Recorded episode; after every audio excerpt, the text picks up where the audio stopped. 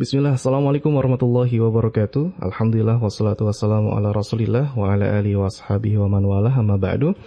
Pendengar yang berbahagia di mana pun Anda berada Apa kabar Anda pagi hari kali ini? Semoga senantiasa dalam keadaan sehat walafiat Dalam keadaan terbaik, tetap semangat Dan juga semoga senantiasa dalam lindungan rahmat dan juga karunia dari Allah subhanahu wa ta'ala.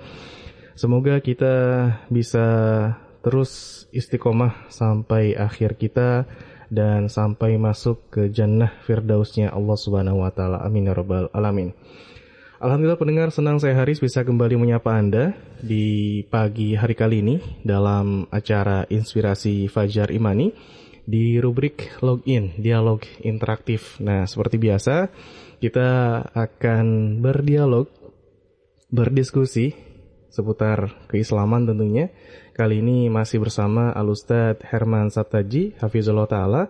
Alhamdulillah beliau telah hadir di tengah-tengah kita. Kita akan sapa terlebih dahulu. Assalamualaikum warahmatullahi wabarakatuh Ustaz. Waalaikumsalam warahmatullahi wabarakatuh, Haris. Iya, kabar sehat Ustaz ya? Alhamdulillah, semoga sahabat Fajri, pendengar Fajri di mana saja Anda berada juga dalam keadaan sehat walafiat dan senantiasa berbahagia karena ketaatan kepada Allah Subhanahu wa taala. Amin ya rabbal alamin. Baik, Masya Allah. Dan Ustadz jika pendengar di mana pun berada, silakan yang ingin absen bisa absen ke 0811 11 10 993. Juga bisa mengirimkan pertanyaan. Insya Allah kali ini kita akan mengangkat sebuah tema yang tentunya sangat penting sekali. Melanjutkan di edisi-edisi sebelumnya yang mana di pertemuan yang sebelumnya kita sudah membahas tentang salah satu episode kehidupan manusia di akhirat yaitu tentang peristiwa Al-Hasyr yang bertempat di sebuah padang yang ini sering sekali kita dengar ya, yaitu padang mahsyar.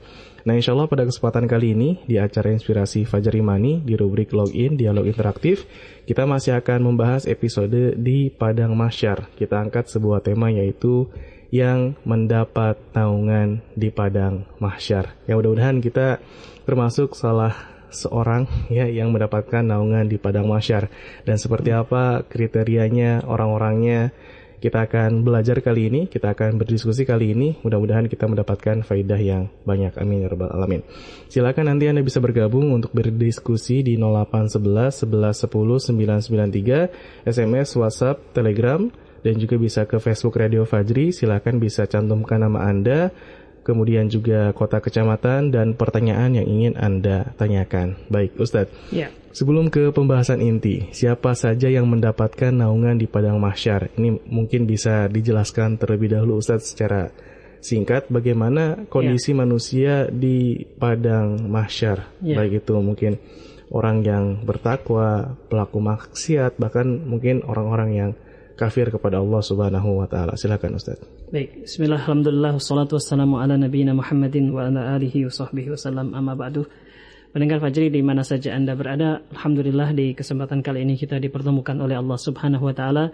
Semoga kita senantiasa istiqomah meniti jalan kehidupan ini di atas syariat Allah Subhanahu wa taala.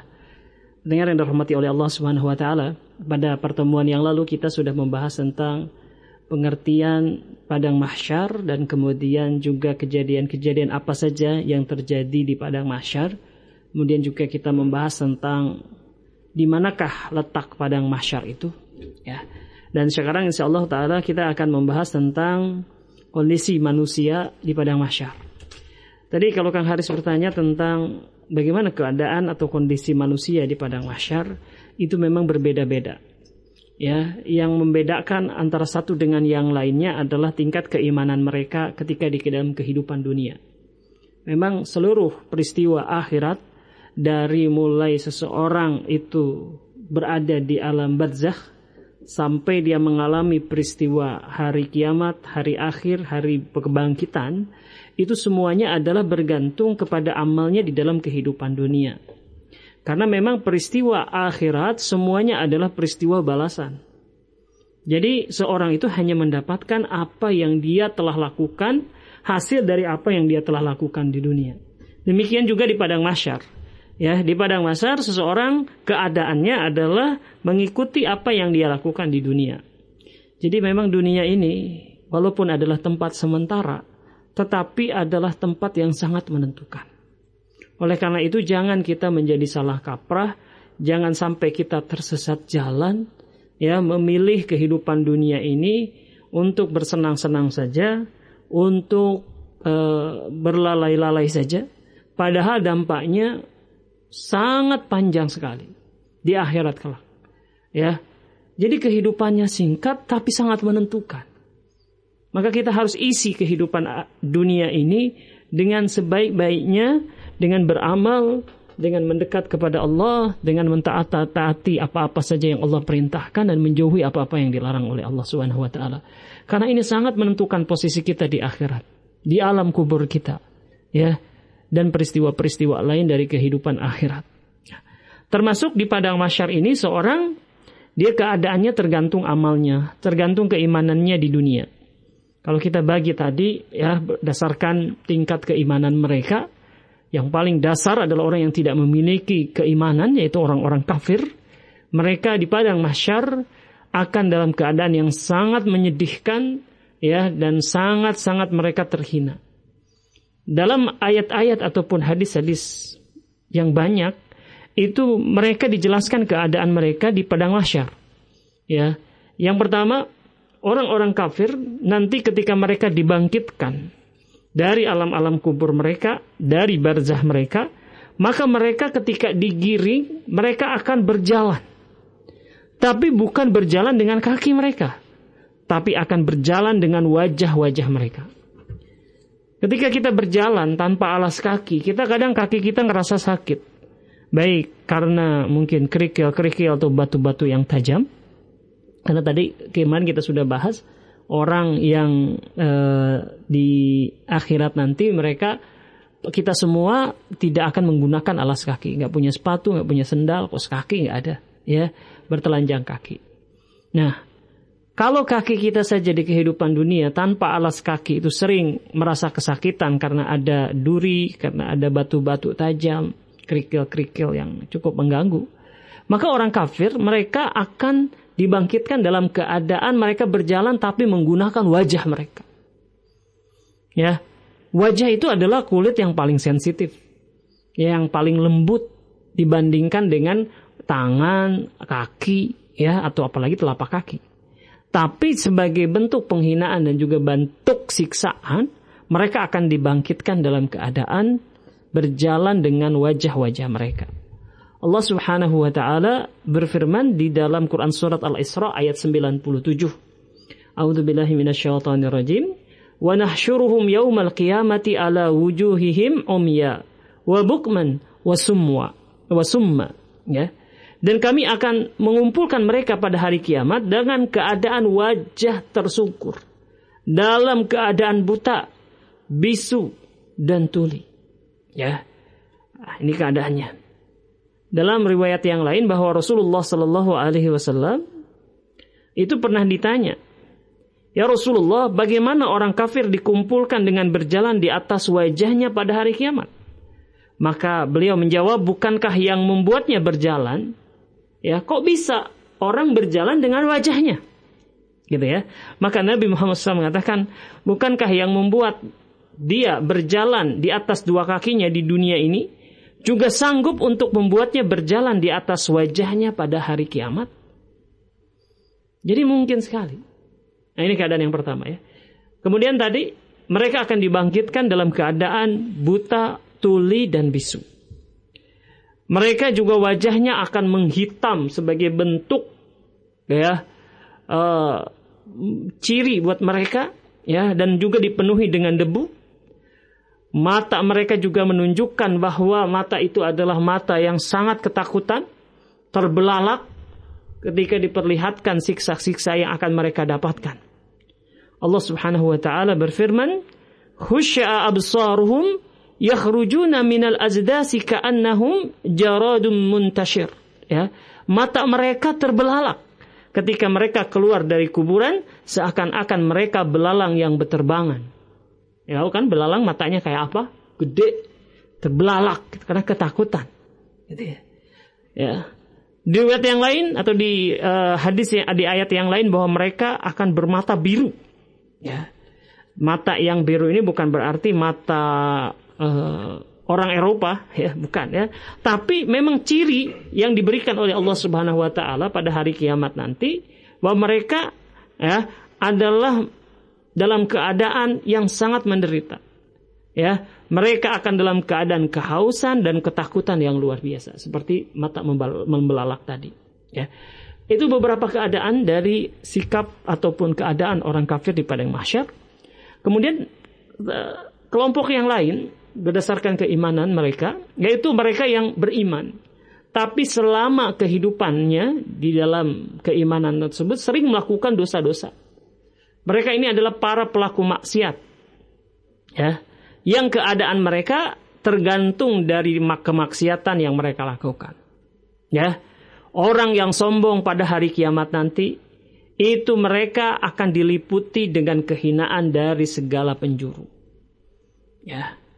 Rasulullah SAW bersabda, "Yuhsyarul mutakabbiruna yaumal qiyamah amsalad darri fi suratul rijal."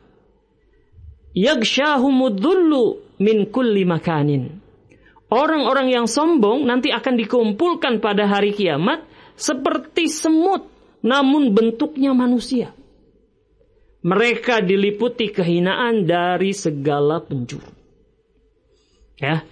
Nah, kesombongan ini adalah hanya untuk Allah Subhanahu wa taala karena Allah lah pemilik segala sesuatu, maha menguasai ya sehingga tidak patut bagi seorang makhluk Allah Subhanahu wa taala menyombongkan diri. Maka orang yang sombong nanti pada hari kiamat nanti mereka akan dihinakan oleh Allah Subhanahu wa taala. Ini keadaan yang pertama ya. Nah, kemudian sifat yang lainnya ya yaitu orang-orang yang dikaruniai oleh Allah Subhanahu wa taala harta. Diberikan kekayaan ya, tetapi mereka pelit. Mereka tidak menggunakannya untuk berderma, untuk bersedekah, untuk menolong orang-orang yang kesulitan, orang-orang yang lemah. Maka bagaimana keadaan mereka? Rasulullah SAW bersabda, Al-aktharuna humul asfaluna yawmal qiyamah, illa man qala bil mali hakadha wa hakadha wa kasabahu minat tayyib. Ya. Orang yang banyak hartanya, nanti di hari kiamat, di padang masyar atau di hari kiamat kelak, itu adalah orang yang paling rendah kedudukannya. Kecuali orang yang berkata dengan hartanya, seperti ini dan seperti ini. Ini bagian untuk si fulan, ini bagian untuk ini, bagian ini untuk maksudnya untuk bersodakah, ya. Dan ia memperoleh hartanya dengan baik. Ya, mendengar yang dirahmati oleh Allah Subhanahu wa taala. Keadaan yang lainnya adalah orang-orang yang tidak jujur. Ya. Para di antaranya adalah para pedagang, para pebisnis yang mereka suka menyembunyikan aib yang mereka memasukkan tipuan di dalam perdagangan mereka, mengurangi timbangan. Nah, ini juga ada hisabnya.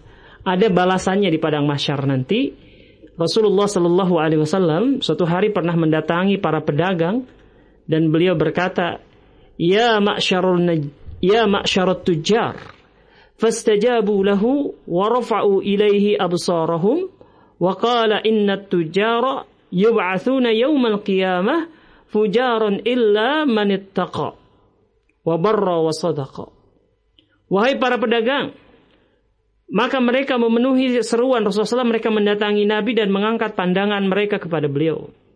Lalu Rasulullah SAW bersabda, Sesungguhnya para pedagang akan dibangkitkan pada hari kiamat sebagai orang-orang yang berdosa. Kecuali mereka yang bertakwa kepada Allah.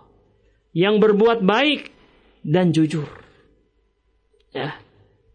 Jadi kalau pedagang ini yang akan dilakukan baik oleh Allah Subhanahu wa taala adalah mereka yang bertakwa kepada Allah, berbuat baik, jujur, ya, tidak menyembunyikan aib. Gitu. Dan ini juga adalah menunjukkan ya karena orang karena berdagang itu tentu niatnya pengen mendapatkan keuntungan. Nah, untuk mendapatkan keuntungan itu Ya terkadang banyak sekali bukan terkadang ini banyak ya pedagang yang tidak jujur. Yang penting dia bisa menjual. Yang penting dia dapat untung banyak. Maka dia melakukan hal-hal yang dilarang. Banyak yang melakukan hal-hal yang dilarang. Misalkan tadi menyembunyikan aib, mengurangi timbangan, ya. Barang yang jelek dibilang bagus. Ya. Atau dia berani bersumpah dengan nama Allah Subhanahu wa taala. Dibilang ini barangnya asli, ternyata barang modifikasi misalkan. Dan banyak-banyak yang lainnya. Ya, ini ya yang mereka uh, orang yang bermaksiat ya nanti juga akan memiliki akan dibalas oleh Allah Subhanahu wa taala di padang mahsyar nanti. Keadaan mereka seperti itu. Sementara orang-orang yang bertakwa ya, mereka akan mendapatkan ketentraman, mendapatkan ketenangan, ya. Sebutkan wahum min faja'in yauma idzin aminun. Ya. Sedangkan mereka merasa aman dari kejutan yang dahsyat pada hari itu. Ya, jadi mereka tenang. Ya, mereka tidak ada rasa takut. Mereka tidak ada rasa bersedih hati.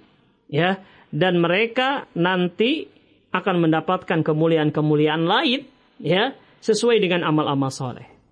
Misalkan para mujahid yang mati syahid akan dibangkitkan dengan keadaan ya berlumuran darah tetapi darahnya adalah darah yang wangi. Orang yang berpuasa pada hari uh, pada bulan Ramadan ya ataupun juga di hari-hari yang disunahkan untuk berpuasa ya maka mereka mulut-mulut mereka akan harum. Ya.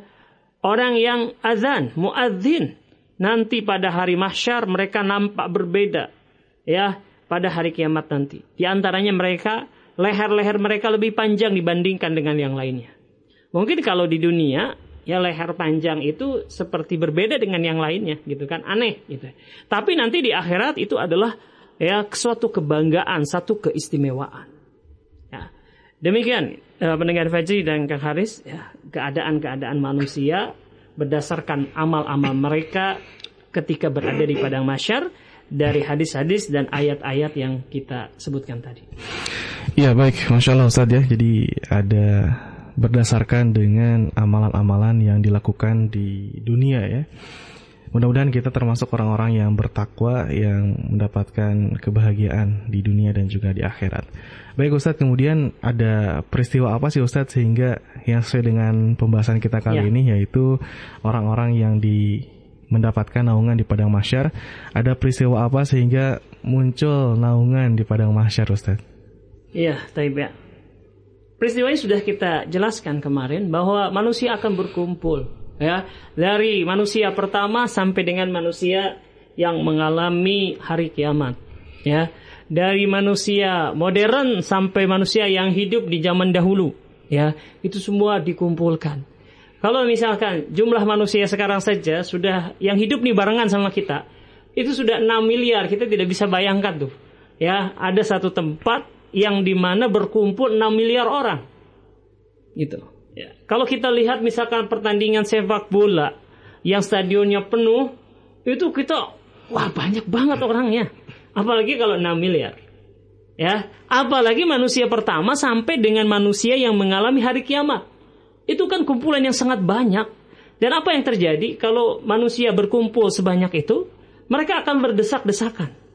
Ya, berdesak-desakan, berhimpit-himpitan, ya. Pokoknya keadaannya pasti crowded, pasti menyengsarakan.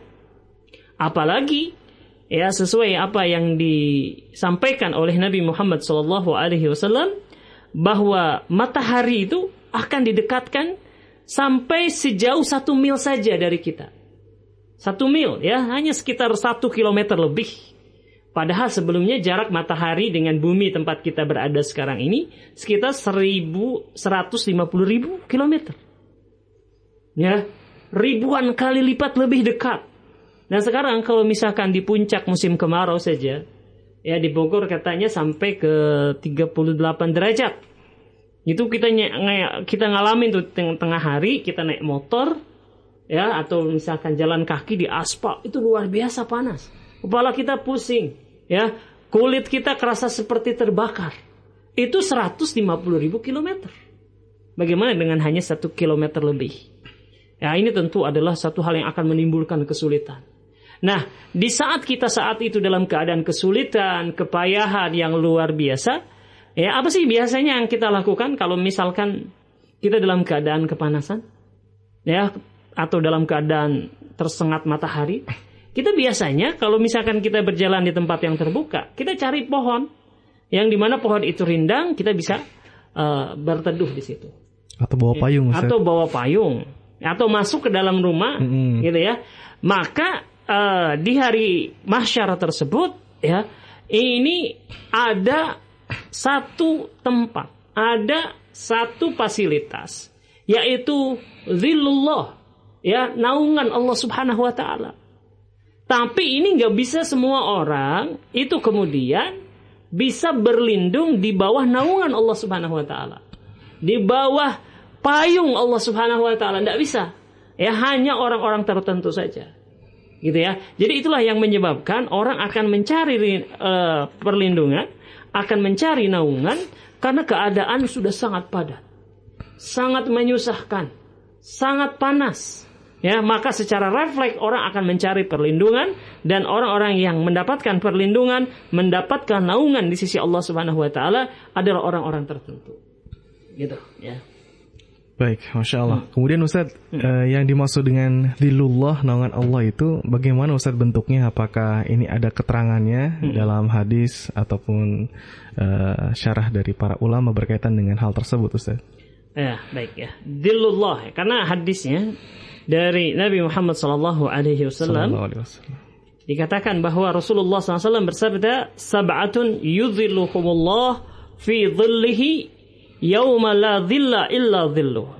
Ada tujuh golongan yang akan dinaungi oleh Allah Subhanahu wa taala dengan naungannya pada hari kiamat nanti di mana tidak ada naungan kecuali hanya naungan Allah Subhanahu wa taala semata. Nah, naungan ini menurut para ulama kemungkinan ada dua Ya, yang pertama adalah naungan itu berupa ya naungan dari arsy Allah Subhanahu wa taala. Ya, arsy Allah Subhanahu wa taala. Tempat Allah Subhanahu wa taala bersemayam. Ya. Jadi karena itu adalah suatu hal yang eh, luas, besar, maka manusia-manusia tertentu itu bisa berlindung di bawah naungan arsy Allah Subhanahu wa taala. Tapi ada juga yang mengatakan para ulama mengatakan bahwa itu adalah sebuah naungan ya yang diciptakan khusus oleh Allah Subhanahu wa taala untuk melindungi ya orang-orang tertentu atau golongan manusia yang beramal dengan amal-amal tertentu di kehidupan dunia mereka.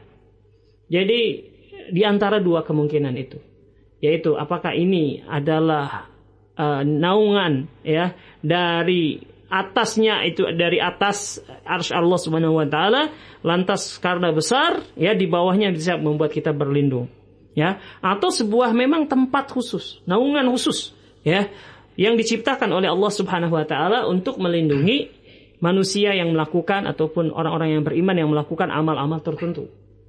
Cuma masalah bentuknya seperti apa, luasnya seperti apa, panjang kali lebarnya, terbuat dari apa, kita tidak mendapatkan keterangan. Tapi itu adalah hak, ya pasti benar, ya hanya kita tidak diberikan rinciannya. Demikian Allah a'lam Ya, baik demikian yang pasti naungan ini akan uh, melindungi orang-orang yang uh, dinaunginya ya. ya. Karena tadi peristiwanya sangat dahsyat sekali.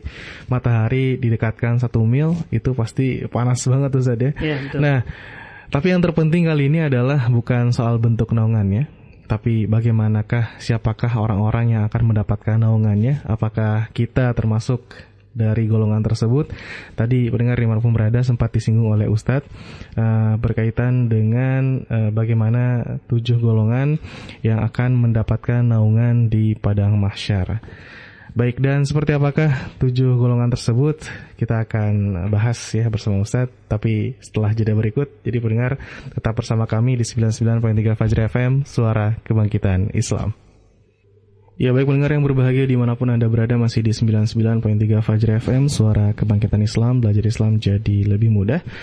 Masih bersama saya Haris di acara Inspirasi Fajar Imani Kali ini di rubrik Login, Dialog Interaktif Dan juga masih bersama narasumber kita Kali ini ada Al-Ustadz Herman Sabtaji STHIMM Hafizahullah Ta'ala Pendengar kita sedang membahas sebuah tema yaitu yang mendapatkan naungan di Padang Masyar. Sudah dapat bocoran tadi ada tujuh orang yang mendapatkan naungan. Siapa saja kita akan lanjut diskusinya. Dan silakan yang ingin bertanya bisa ke 0811 1110 993 Baik Ustadz lanjut lagi ke pembahasan kita. Sudah dapat bocoran ada tujuh orang, tujuh golongan yang akan mendapatkan naungan di hari kiamat nanti di Padang Masyar di mana tidak ada naungan kecuali naungan dari Allah Subhanahu wa taala. Nah, Ustaz, boleh di sharing saja di ilmu ya. Iya. Ini karena waktunya juga uh, semakin terbatas. Jadi, jadi tujuh golongan ini berdasarkan satu teks hadis dari Rasulullah SAW. Hadis ini hadis yang sahih yang diriwayatkan oleh Imam Bukhari dan Imam Muslim. Kita bacakan uh, hadisnya lengkapnya adalah An Habib Hurairah radhiyallahu anhu anin Nabi sallallahu alaihi wasallam qala sab'atun yudhilluhumullah fi dhillihi yawma la dhilla illa dhilluh al-imamul adil wa syabun nasha'a fi ibadatillah wa rajulun qalbuhu mu'allakun fil masajid wa rajulani tahabba fillah ijtama'a alaihi wa tafarraqa alaihi wa rajulun da'athu imra'atun dhata mansabin wa jamalin faqala inni akhafu Allah wa rajulun tasaddaqa bisadaqatin fa akhfaha hatta la ta'lama shimaluhu ma yunfiku yaminuhu wa rajulun dzakarallahu khalian fafadat ainahu dari Abu Hurairah dari Nabi Muhammad sallallahu alaihi wasallam beliau bersabda ada tujuh golongan yang akan dinaungi oleh Allah dengan naungan arsnya atau naungan Allah subhanahu wa ta'ala pada hari di mana tidak ada naungan selain hanya naungan Allah semata yaitu imam atau pemimpin yang adil. Yang kedua, pemuda yang tumbuh besar dalam beribadah kepada Allah Subhanahu wa taala. Yang ketiga, seorang yang hatinya senantiasa terpaut pada masjid. Yang keempat, dua orang yang saling mencintai karena Allah Subhanahu wa taala. Keduanya berkumpul dan berpisah karena Allah Subhanahu wa taala. Ya, kemudian yang keempat, atau yang ke yang ke empat ya seorang laki-laki yang diajak berzina oleh seorang wanita yang berkedudukan lagi cantik rupawan lalu ia mengatakan sesungguhnya aku takut kepada Allah Subhanahu wa taala kemudian yang kelima seorang yang bersedekah lalu merahasiakannya sehingga tangan kirinya tidak mengetahui apa yang diinfakkan oleh tangan kanannya dan terakhir orang yang berzikir kepada Allah Subhanahu wa taala di waktu sunyi lalu berlinanglah air matanya. Nah, pendengar Fajri di mana saja Anda berada, ini adalah tujuh golongan yang disebutkan dalam satu konteks hadis bahwa mereka berhak mendapatkan naungan Allah Subhanahu wa taala di hari atau di padang mahsyar di mana ketika itu semua orang sangat berhajat, sangat perlu terhadap naungan ini. Ya. Siapa mereka? Yang pertama adalah al-imamul adil, ya pemimpin yang adil. Siapa mereka? Yaitu mereka yang diberikan kekuasaan, lantas dia gunakan kekuasaannya untuk mengayomi orang-orang. Bersikap adil kepada orang-orang yang berada di dalam kekuasaannya. Ya, tentu ini e, semakin banyak kekuasaannya, maka dia semakin dan dia bisa berbuat adil, tentu semakin berpeluang untuk mendapatkan naungan Allah Subhanahu wa taala. Tapi ini juga berlaku ya bukan hanya sebagai pemimpin negara, pemimpin provinsi misalkan ya atau pemimpin kabupaten atau kota ya, hmm. tapi bagi siapa pun ya yang dia kira-kira memiliki orang-orang yang berada di bawah kekuasaannya, lantas dia gunakan kekuasaannya tersebut untuk mengayomi ya, untuk melindungi ya dan berbuat adil kepada orang-orang yang berada di bawah kekuasaannya. Pemimpin termasuk keluarga. Ya, termasuk pemimpin keluarga. Seorang suami misalkan. Kepada istri ya kepada istri-istrinya kepada anak-anaknya ya. Ini ketika dia berbuat adil maka dia berhak untuk mendapatkan naungan termasuk seorang istri karena biasanya istri itu adalah ratu rumah tangga dia memiliki anak yang banyak dia berlaku adil maka ini juga termasuk pemimpin yang adil ya jadi skupnya luas ya jadi bukan hanya pemimpin kekuasaan dalam artian dia memiliki teritorial tertentu Ya. Nah, lah kenapa dia disebutkan nomor pertama? Kenapa? Karena keadilannya, ya perbuatan dia yang mengayomi, melindungi, membantu, menolong, mencukupi, menafkahi, ya ini bermanfaat bagi banyak orang, bukan hanya untuk satu dua orang. Semakin banyak yang dia naungi, semakin banyak dia berbuat adil kepada orang-orang yang berada di bawahnya, tentu kedudukannya semakin tinggi di sisi Allah Subhanahu wa taala. karena kemanfaatan yang luar biasa gitu ya. Ini golongan yang pertama. Golongan yang kedua adalah pemuda yang tumbuh dalam beribadah kepada Allah. Syabun nasyafi ibadatillah ya. Masa muda adalah masa yang masih labil biasanya orang ya, di masa muda ini biasanya penuh banyak godaan ya jiwanya masih labil masih pengen coba sana sini gitu kan tapi ada pemuda-pemuda ya yang ia tumbuh dalam peribadatan kepada Allah Subhanahu wa taala. Dan pemuda ini sekarang ini mungkin lebih jarang ya. Kebanyakan pemuda-pemuda kita ini hidup dalam kelalaian ya. Banyak melakukan aktivitas-aktivitas yang tidak banyak mendatangkan manfaat. Banyak begadang dan yang lain-lainnya. Tapi pemuda ini tidak.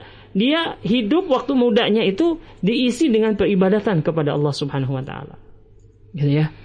Maka ketika dia mengisinya dengan Eh, dengan peribadatan ya sudah punya kesadaran beragama yang tinggi beribadah kepada Allah Subhanahu wa taala mengerjakan syariat-syariat Allah Subhanahu wa taala berbakti kepada kedua orang tuanya ya maka layak untuk mendapatkan naungan Allah ya dan salah satu keutamaan lain dari pemuda-pemuda yang ketika mudanya mereka ini tumbuh dalam ketaatan kepada Allah maka besar kemungkinan ya waktu dia beranjak dewasa, waktu dia menjadi pemuda, waktu dia menjadi orang dewasa, menjadi orang tua, dia pun akan ada pada ketaatan kepada Allah Subhanahu wa taala. Ya, peribahasa bahasa Arab mengatakan, "Man syabba ala syai'in syaba alaihi." Barang siapa yang membiasakan dirinya di atas sesuatu ketika masih muda, maka ia akan tua dengan membawa kebiasaan tersebut. Dari sejak kecil, sejak eh, remaja, sejak pemuda, dia sudah diajarkan, sudah terbiasa taat kepada Allah, maka kemungkinan besarnya di waktu dia dewasa, di waktu dia tua, maka dia akan lebih mudah untuk melakukan ketaatan tersebut dan bisa istiqomah. Ya, dan sebaliknya, kalau sejak kecil, sejak remaja, sejak pemuda sudah banyak kelalaiannya, ya, sudah dibiasakan untuk meninggalkan sholat. Kalau meninggalkan sholat, it's okay ya, nggak apa-apa, gitu kan, nggak merasa bersalah atau apa. Maka nanti dia akan kesulitan untuk mentaati perintah Allah Subhanahu Wa Taala ketika dia dewasa. Makanya ini penting juga bagi kita orang-orang tua untuk uh, membiasakan anak-anak kita itu taat kepada Allah. Ya, mereka harus dibiasakan ketika mendengarkan adzan, mereka harus segera pergi ke masjid. Dibiasakan untuk membaca Al-Quran dibiasakan untuk bersodakoh. Nanti kalau sudah terbiasa, mereka akan lebih mudah melakukannya ketika di masa tua. Ya, ini golongan yang kedua, yaitu pemuda yang taat, yang tumbuh dalam keadaan mentaati Allah Subhanahu wa taala di masa mudanya. Yang ketiga adalah warujulun qalbuhu mu'allakun bil masajid, fil masajid. Ya. Yaitu seseorang yang hatinya senantiasa terpaut pada masjid. Ya. Boleh jadi orang ini ketika itu dia berada di luar masjid, di tempat pekerjaannya, di tempat sekolahnya, atau di tempat aktivitas yang lain. Tapi hatinya selalu rindu kepada masjid. Ya. Dia rindu, ya dia senang ketika azan berkumandang. Dia rindu untuk bisa pergi ke masjid. Dia rindu untuk bisa membaca dan sholat di masjid, membaca Al-Quran di masjid. Dia rindu untuk mendengarkan kajian-kajian di masjid. Gitu ya. Nah, dia selalu kalaupun di, di rumah, aduh kak, belum waktunya sholat nih. Gitu. Begitu azan dia senang. Ya, misalkan di ahad pagi atau di sabtu pagi ada kajian, wah hari ini jadwal kajian nih. Saya akan hadir, saya akan duduk di sop yang terdepan. Gitu ya. Nah, ini menunjukkan bahwa niatnya ya dia selalu ingat kepada Allah Subhanahu wa taala. Dia selalu menginginkan kebaikan. Gitu ya. Nah, ini yang ketiga. Yang keempat adalah dua orang yang saling mencintai karena Allah, keduanya berkumpul dan berpisah karena Allah Subhanahu wa taala. Coba dibandingkan dengan tujuh golongan yang lain di antara tujuh golongan itu, mungkin ini adalah yang paling mudah, yaitu hanya mencintai, ya, mencintai seseorang itu dua orang yang saling mencintai karena Allah Subhanahu Wa Taala. Jadi dua-duanya misalkan dua orang, ya, dia uh, senang ya untuk bersama-sama mentaati Allah, senang beribadah kepada Allah Subhanahu wa taala. Mereka dipertemukan dan bersahabat karena aktivitas ini. Karena satu masjid misalkan. ya sama-sama pengurus dakwah misalkan, ya. Mereka tadinya orang-orang yang tidak saling mengenal, bahkan mungkin suku bangsanya, bahasanya berbeda. Tapi karena mereka sama-sama satu masjid, mereka sama-sama satu dakwah, misalkan ya, satu aktivitas dakwah. Akhirnya mengenal, ya, dan ada kecintaan sama-sama mereka. Ya kecintaan karena iman, kecintaan karena Allah Subhanahu wa taala. Ini bertemu karena Allah Subhanahu wa taala. Dan juga berpisah karena Allah Subhanahu wa taala. Mungkin berpisah ini sebabnya karena misalkan ya e, mereka berpisah karena misalkan tadi berkumpul di majelis, dikumpul lagi rapat dakwah, setelah itu mereka berpisah karena harus balik ke rumah masing-masing misalkan. Atau bisa juga misalkan ya mereka senantiasa dalam kehidupan dunianya ini e, bersama-sama ngaji bareng, dakwah bareng gitu kan ataupun aktivitas sosial ya membagikan bantuan untuk orang-orang yang kena musibah, bencana dan lain bareng-bareng. Tapi ternyata kemudian salah satu di antaranya meninggal lebih dulu. Nah, ini bisa disebut dengan berpisah karena Allah Subhanahu wa taala. Jadi ini yang paling ringan dibandingkan dengan yang lain, yaitu dua orang ya yang saling mencinta karena Allah dan bertemu karena Allah dan berpisah karena Allah Subhanahu wa taala. Ini yang ketiga, ya. Yang ke yang ini yang keempat. Yang kelima adalah seorang laki-laki yang diajak untuk berzina oleh seorang wanita yang berkedudukan lagi cantik rupawan, lalu dia mengatakan, "Sungguhnya aku takut kepada Allah." Nah, sebaliknya, tadi kalau yang mencinta karena Allah, berkumpul, uh, bertemu dan berpisah karena Allah, ini yang paling ringan kan? Nah, ini yang kelima ini yang paling berat. Karena seorang laki-laki itu, ya ujian terbesarnya adalah wanita. Ya, salah satu ujian terbesar bagi laki-laki itu adalah wanita. Ya, seorang bisa bersabar tidak melakukan kemaksiatan berjudi. Ya, seorang bisa bersabar tidak minum homer atau melakukan yang lainnya. Tapi seorang ketika ada peluang, ada kesempatan atau ada situasi dia berdua-duaan dengan wanita, ya, maka sulit sekali untuk tidak tergoda. Maka kita tahu ya e, banyak sekali terjadi nauzubillah min zalik perzinahan, perselingkuhan ya yang dilakukan oleh kedua belah pihak baik laki-laki maupun perempuan. Ya, ini menunjukkan adanya godaan yang luar biasa. Gitu ya. Nah, di sini katakan bahwa yang akan mendapatkan naungan Allah Subhanahu wa taala adalah seorang yang menolak ya godaan dari seorang wanita yang memiliki kedudukan, memiliki kekuasaan, memiliki keistimewaan dan juga memiliki jamal, ya memiliki uh, kerupawanan, ya kecantikan, gitu. Kalau seorang laki-laki, ya itu sering kita dengar, ya orang melakukan perbuatan dosa, ya dengan wanita yang biasa saja, tergoda dengan wanita yang biasa saja. Ya, ini yang menggodanya ini adalah orang yang memiliki kedudukan dan memiliki kekayaan, memiliki kecantikan. Tapi karena keimanannya dia menolak dan kemudian mengatakan ini akhafullah. Ya, saya takut kepada Allah Subhanahu wa taala. Ini luar biasa. Ya, luar biasa sekali. Ya, ini yang kelima. Ya, yang keenam adalah seorang yang bersedekah lalu merahasiakannya sehingga tangan kirinya tidak mengetahui apa yang diinfakkan dengan tangan kanannya. Menyembunyikan amal adalah salah satu cara supaya kita bisa ikhlas kepada Allah Subhanahu wa taala. Ya. Jadi jangan sering menampakkan amal kita, apalagi sekarang di zaman medsos ya atau sosial messenger, sosial media di mana itu sangat mudah untuk menceritakan aktivitas kita ya dengan cukup memotret sendiri atau yang disebut dengan selfie ya. Sebagian selfie sedang umroh, sebagian selfie sedang baca Quran, sebagian selfie sedang bersodakoh ya. Ah, ini harus benar-benar menjaga keikhlasan.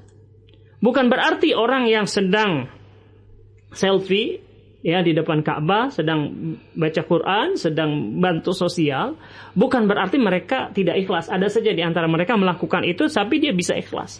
Tapi bagi diri kita sendiri hendaknya berhati-hati. Ya.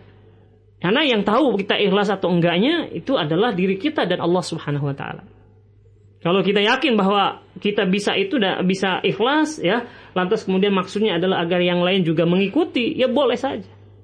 Ya, tapi kalau kita ingin lebih selamat hati kita dari ria, dari sum'ah, dari ujub, ya, maka kita sembunyikan. Gitu ya. Dan ini kebiasaan salafus soleh. Mereka terbiasa untuk menyembunyikan amalnya. Ada dikatakan bahwa dia sampai amal solehnya itu nggak diketahui oleh keluarganya. Gitu kan? Misalkan seseorang ya dia bangun sebelum uh, sholat subuh ya. Dia bangun dia kemudian minum hanya minum susu ataupun juga makan kurma ya. Dan dia niatkan untuk sahur. Ya kemudian istrinya karena nggak tahu suaminya ini sedang puasa dia masak untuk sarapan ya. Tapi begitu istrinya selesai makan dan selesai masak lantas uh, sarapannya disiapkan. Nah sarapannya itu dibungkus sama dia. Dibungkus ya. Lantas dia pergi bekerja dia ke pasar dia ke kantor. Lantas makanan ya yang disediakan istrinya disedekahkan pada orang lain. Gitu kan? Dia pulang menjelang maghrib ya. Dan biasa ketika dia sampai istrinya buatin teh manis istrinya buatin kopi pisang goreng ya itu kudapan biasa gitu ya padahal dia ketika itu dia makan dia minum itu dalam keadaan membatalkan sahur istrinya nggak tahu sama sekali dia sahur Istrinya nggak sama tahu sekali dia bersedekah dengan makanan ya yang dia gunakan yang dia sediakan untuk uh, sarapan tadi. Ini nggak tahu, istrinya aja nggak tahu. Luar biasa ya. Ya, jadi menyembunyikan amal gitu ya. Dan yang ketujuh ya adalah yang kita sebutkan tadi yaitu seseorang yang dia berzikir kepada Allah Subhanahu wa taala. Lantas kemudian dia ingat kepada Allah.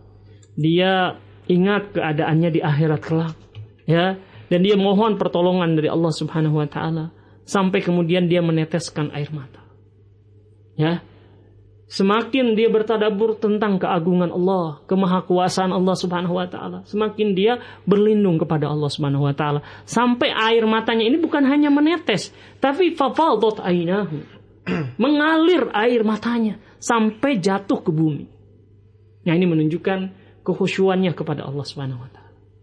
Nah, ini tujuh golongan ya yang akan mendapat naungan sisi Allah Subhanahu wa taala. Tapi ya ini bukan tujuh golongan itu bukan semata-mata tujuh golongan. Banyak amal-amal soleh lain yang uh, ganjarannya juga adalah naungan di sisi Allah Subhanahu wa taala. Jadi kita misalkan kita nggak bisa melakukan tujuh golongan itu. Ya, misalkan kita bukan pemimpin yang adil. Kita nggak punya orang yang berada di bawah kekuasaan kita. Ya, boro-boro presiden, boro-boro bupati, ya e, nikah aja belum, gitu kan? Nggak punya, nggak nggak punya orang yang berada di bawah kekuasaannya, gitu kan? Ya, jadi nggak bisa di poin pemimpin yang adil, gitu kan? Atau misalkan tadi ya. E, pemuda yang taat kepada Allah Subhanahu wa taala. Ini udah tua, bukan pemuda lagi gitu kan waktu mudanya nggak taat kepada Allah Subhanahu wa taala. Nah, ini bukan pembatasan ya. Di hadis-hadis yang lainnya itu disebutkan banyak sekali amal-amal yang lainnya, tapi ingatlah ikhwah sekalian mendengar di mana saja Anda berada, teruslah beramal soleh. Apa yang bisa kita lakukan ya dari amal-amal soleh itu walaupun itu adalah mungkin remeh temeh di hadapan manusia yang lain, kita lakukan. Rasulullah mengatakan la tahqiranna syai'an minal ma'ruf walau an talqa akhaka biwajhin talib Janganlah kalian meremehkan sebuah hal yang ma'ruf, sebuah kebaikan, walaupun itu hanya sekedar bermanis wajah di hadapan saudaramu. Siapa tahu di antara amal-amalan itu akan berbuah naungan di padang masyar untuk kita pada hari kiamat nanti. Pada hari akhirat nanti. Allah alam Ini kan hadis ya. Mudah-mudahan bermanfaat. Ya baik, Masya Allah ya. Uh, tak terasa nih sudah pukul 9.54. Pembahasan kita sangat menarik dan mungkin beberapa pertanyaan aja Ustaz yang kita bacakan ya. Yeah. Baik ini ada Pak Jojo katanya stay tune. Uh, Masya Allah tema yang menarik nih. Ya baik Masya Allah. Kemudian juga ada Ibu Umu Fatih ikut nyimak aja. Selamat bertugas. Ya baik terima kasih. Kemudian mungkin satu pertanyaan yang yeah. kita akan tanggapi ya dari Pak Dani di Kecamatan Ciampea. Pertanyaannya bagaimana caranya agar istiqomah dalam keadaan taat dalam ketaatan kepada Allah Subhanahu wa taala agar selamat di padang mahsyar ataupun di akhirat. Ini minta tipsnya Ustaz. Kiatnya yeah. bagaimana? Silakan Ustaz. Iya, untuk bisa istiqomah kalau cara tips dan yang lainnya mungkin berbeda-beda kalau ditanyakan kepada satu ustadz ataupun ulama atau yang lain berbeda-beda. Terkadang tergantung keadaan masing-masing ya. Tetapi yang pasti bahwa kita bisa istiqomah kepada Allah Subhanahu wa taala, kepada peribadatan kepada Allah Subhanahu wa taala itu adalah semuanya karena pertolongan dari Allah. Karena bantuan dari Allah Subhanahu wa taala. Oleh karena itu, mintalah selalu istiqomah kepada Allah Subhanahu wa taala. Ya, mintalah agar Allah Subhanahu wa taala mengistiqomahkan kita. Kita tidak akan bisa istiqomah kecuali dengan pertolongan dari Allah Subhanahu wa taala. Ya, jangan ragu-ragu untuk meminta keistiqomahan kepada Allah. Berdoa memohon keteguhan di jalan di dalam menjalankan ketaatan kepadanya. Ya, ini yang pertama ya. Yang kedua, biasanya seseorang itu tergantung agama temannya.